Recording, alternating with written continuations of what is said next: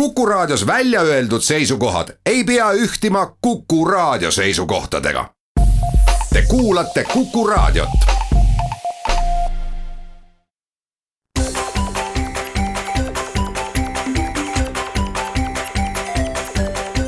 maksumaksja koostöös Eesti Maksumaksjate Liiduga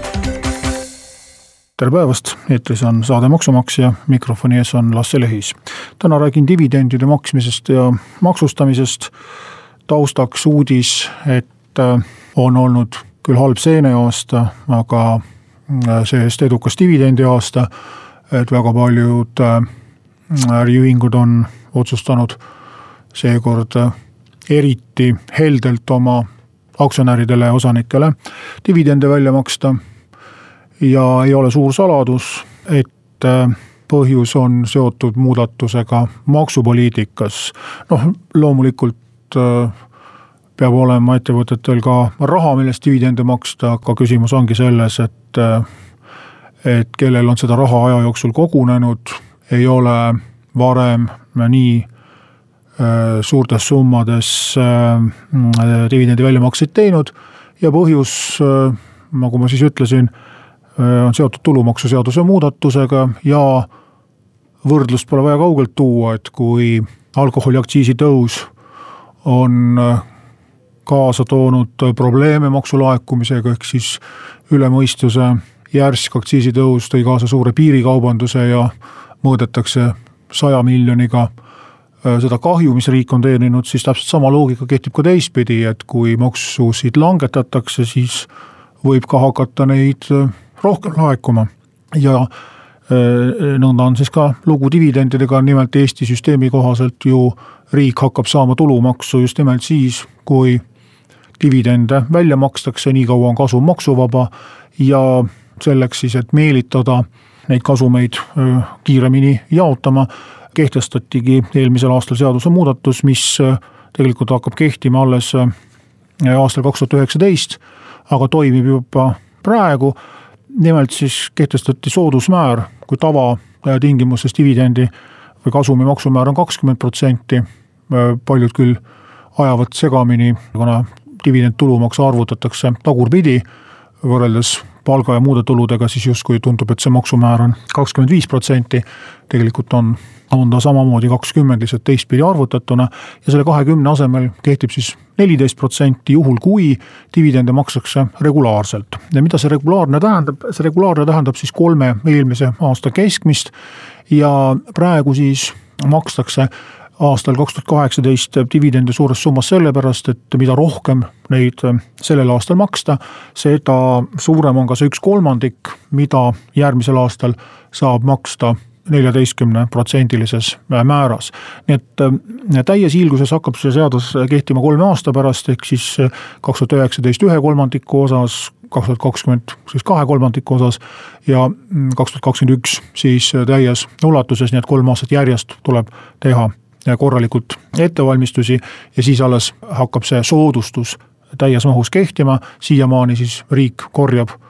täismääras tulumaksu nendelt, kes soovivad tulevikus soodustust saada. nii et mõnes mõttes riik nagu müüb oma maksutulu äh, maha, teeb sellist odavat väljamüüki, et makske maksud varem ära, saate äh, hiljem äh, siis sooduskupongi, et ka riigi tasandil sellised kauplemisvõtted mõnikord täiesti igapäevased. ja miks selline muudatus tehti ja miks just neliteist protsenti, neliteist protsenti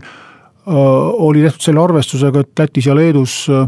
tol ajal kehtis viieteistprotsendiline maksumäär, et siis rahvusvahelisi kontserne meelitada just Eestis rohkem kasumit teenima ja rohkem tulumaksu maksma. jah, me võime rääkida, et on igasugused peened reeglid, kuidas kasumi veeretamist ühest riigist teise vältida, paraku on väliskontsernidel siiski küllaltki vabad käed otsustamaks, millise riigi üksus teenib rohkem kasumit, milline vähem, seda saab üsna üsna peenelt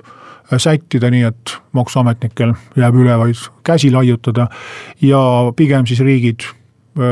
üritavadki madalamate maksumäärade ja muude soodustustega siis ennast nii-öelda märkama panna, et just see riik oleks see koht, kus võiksid need kasumid üle keskmise suuremad olla, et nüüd nõndamoodi siis ka Eesti püüab praegu käituda. reaalselt kasu sellest seadusemuudatusest ongi just välisosalusega rahvusvahelistel kontsernidel ehk siis äh, selleks dividendi saajaks peab olema teises Euroopa Liidu liikmesriigis asuv juriidiline isik, kellel on vähemalt kümneprotsendiline osalus. sellisel juhul on tagatud, et mingit täiendavat tulumaksu ei tule sellel aktsionäril eh, maksta oma koduriigis ega ka Eestis mitte. kui dividendi saajad on meie oma kohalikud Eesti inimesed, siis tegelikult ei muutu lõppkokkuvõttes mitte midagi. Eh, tõsi, üks eh, dividendimaks väheneb kahekümnelt protsendilt neljateistkümnele, aga see vahe tuleb teistpidi siis tulumaksu kinnipidamise kaudu jällegi juurde maksta. et nende puhul kokkuvõttes läheb tegelikult lihtsalt maksuarvestuses keerulisemaks. ja on tõstatatud ka küsimus, et kas oleks võimalik hoopiski selle soodustuse rakendamisest loobuda. noh, loomulikult on ju ka variante, kus on segakoosseis, ehk siis aktsionäride hulgas on nii ühte, teist kui kolmandat, siis loomulikult seda soodustust rakendada tuleb ja kõikide suhtes seda uut korda ühtemoodi kohaldada ja see tüütu bürokraatia ära kannatada. kui nüüd rääkida veel sellest seadusemuudatusest, siis äh, eraldi sätted kehtestati pankade jaoks, äh, kellele pandi peale niinimetatud avansiline tulumaks. miks niinimetatud, sisuliselt nad maksavad äh, vana head ettevõtte tulumaksu, nii nagu enne aastat kaks tuhat seda kõik maksid, kord kvartalis oma kasumilt, sest avansilise makse üks selline olemus on see, et seda on võimalik ka tulevikus tagasi saada, kui tegelik äh, maksukohustus ei ole nii suur, nagu ette on makstud, siis pankade puhul seda võimalust ei ole. et äh, kui nad ei maksa dividende, siis jääb see avansiline maks nii-öelda õhku rippuma ja vihje ongi selles, et võimalikult kiiresti siis äh, see neljateistprotsendiline maksukohustus klaaritakse ära siis mm, dividendi maksetega, et see avansiline maks nii-öelda võimalikult kiiresti muutuks lõplikuks maksuks tähelepanelikud raadiokuulajad kindlasti mäletavad, et nende seadusemuudatuste paketis menetleti ka niinimetatud panditulumaksu. ehk siis ka üks mõjutusvahend eelkõige rahvusvahelistele kontsernidele, kes ei ole Eestis teenitud kasumit tahtnud maksustada. ega ei ole neid dividendidena nii-öelda koju viinud, vaid on laenanud raha välja oma peakontorile või teistele, teistes riikides asuvatele tütarühingutele. siin äh, jäi see seadusemuudatus suhteliselt leebeks kehtestati täiendav informatsioonikohustus, kord kvartalis tuleb esitada deklaratsioon. samas mingeid suuri töövõite nagu ei ole kuulda olnud, et nüüd mõni patustaja oleks hakanud oma laenukoormust või välja antud laenu mahtu vähendama. ja, ja seda vaikselt dividendiks ümber kirjutama ja tulumaksu maksma vähemalt ei ole pasundatud äh, avalikult äh, sellistest äh, saavutustest, aga huvi ja ootus kindlasti on. aga dividendide maksustamisest räägime nüüd ka füüsilise isiku tasandil kohe pärast väikest pausi.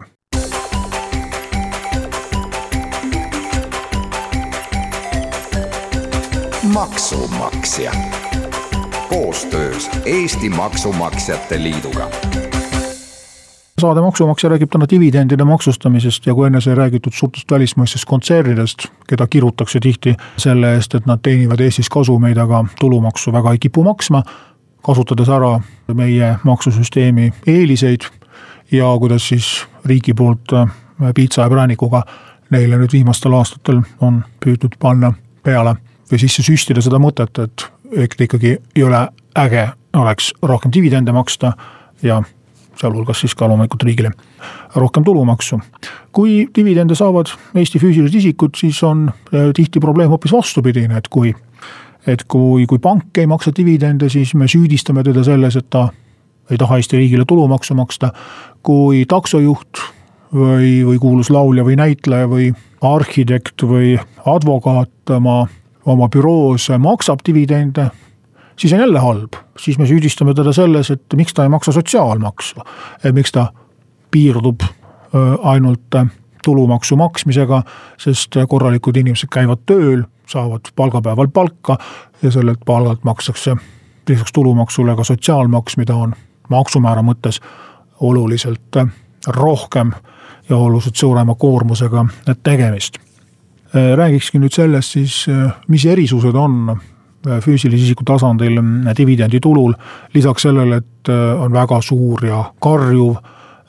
ja kaugele välja paistev erisus sotsiaalmaksu osas, siis tegelikult on ka tulumaksumaastikul mm, üht-teist erisust võrreldes kasvõi näiteks aktsiate müügiga või, või korteri väljaüürimisega või, või kinnisvara tuluga muudes vormides on reegel siis selline, et dividende tuludeklaratsioonis ei deklareerita. et see on erisus üldjuhul mujal maailmas on dividend üks osa inimese tulust ja, ja, ja mängib kaasa kõik mängud mida tuludeklaratsioonis tuludega tehakse, alates maksuvabast tulust või, ja kõikidest muudest võimalikest maksusoodustustest, lõpetades sellega, et nendes riikides, kus on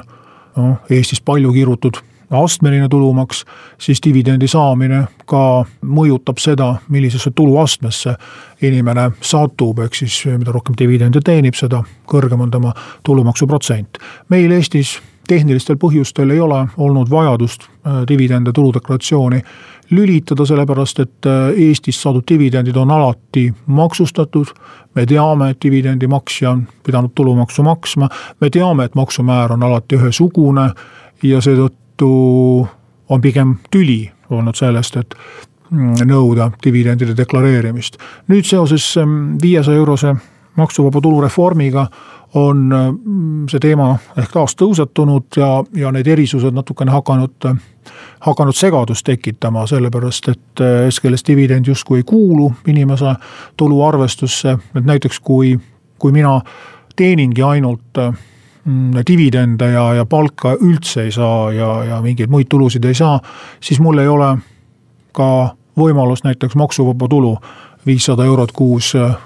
arvestada, sest mul ei ole seda lihtsalt millestki maha arvata. samuti mul koolituskulusid või, või pensionisamba sissemakseid või kodulaenu intresse võimalik dividenditulust maha arvata, selleks ma pean saama mingit muud liiki tulu. Äh, kui ma aga saan nüüd mitut liiki tulu, siis kahe tuhande kaheksateistkümnendal aastal on selline lugu, et kui nüüd iga kuu tulumaksu kinnipidamisel on äh, valemi alusel arvutatud välja minu maksuvaba tulu suurus, siis aasta tuludeklaratsioonis läheb see ümberarvutamisele ja kui ma olen saanud dividenditulu, siis see omakorda vähendab maksuvaba tulu suurust, mis tähendab, et ma pean tulumaksu juurde maksma, noh maksimaalselt tuhat kakssada eurot. Ja seda on äh, pahaks pandud ja, ja suisa topeltmaksustamiseks nimetatud, mida ta küll otseselt ei ole, sellepärast et äh, tulumaks üle kahekümne protsendi ühelgi juhul ei lähe, aga ta on ebameeldiv selles mõttes, et kõigepealt antakse raha nagu kätte tulumaksu näol ja siis hiljem kästakse riigile tagasi maksta. et see on üks nii-öelda sisse programmeeritud probleeme, mis on mm, tulumaksureformi inimestele üsna ebameeldivaks ja ebamugavaks teinud ja noh, arvata võib, et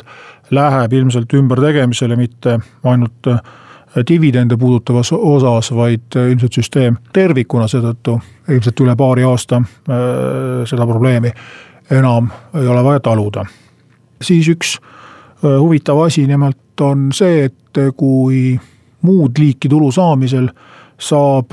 küllaltki suure osa inimese tulumaksust endale tema elukoha järgne äh,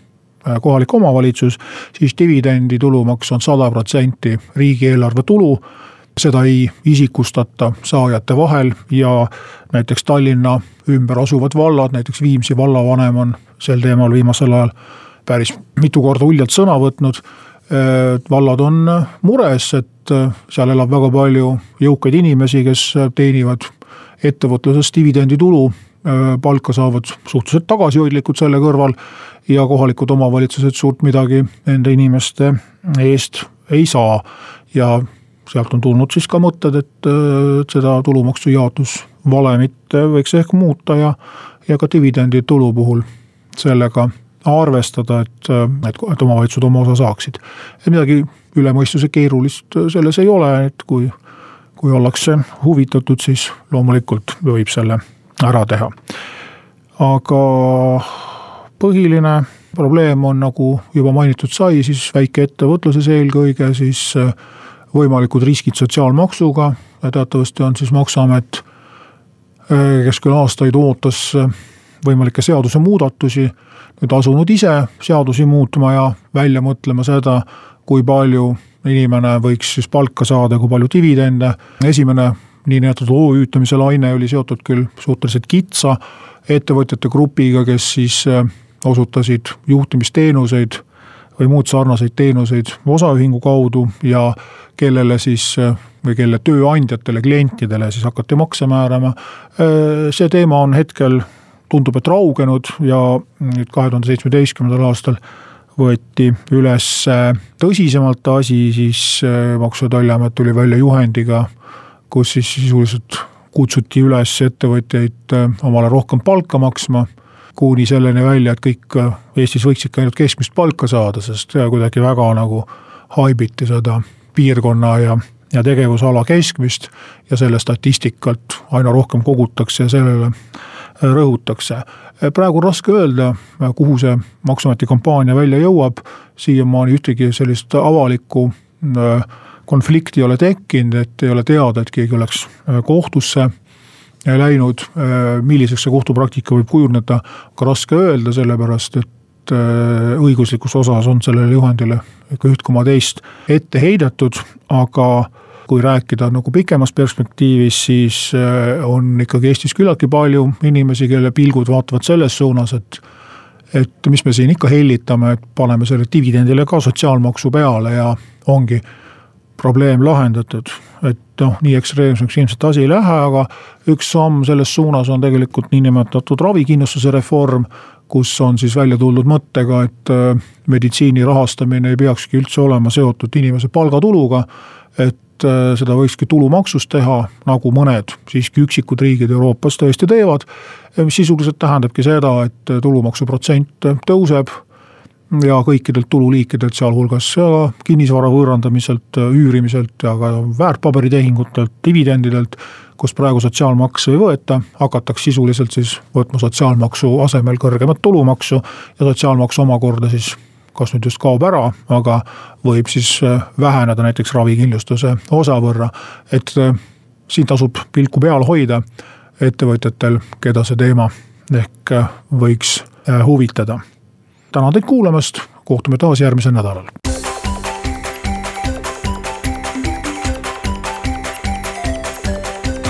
maksumaksja. Koostöös Eesti Maksumaksjate Liiduga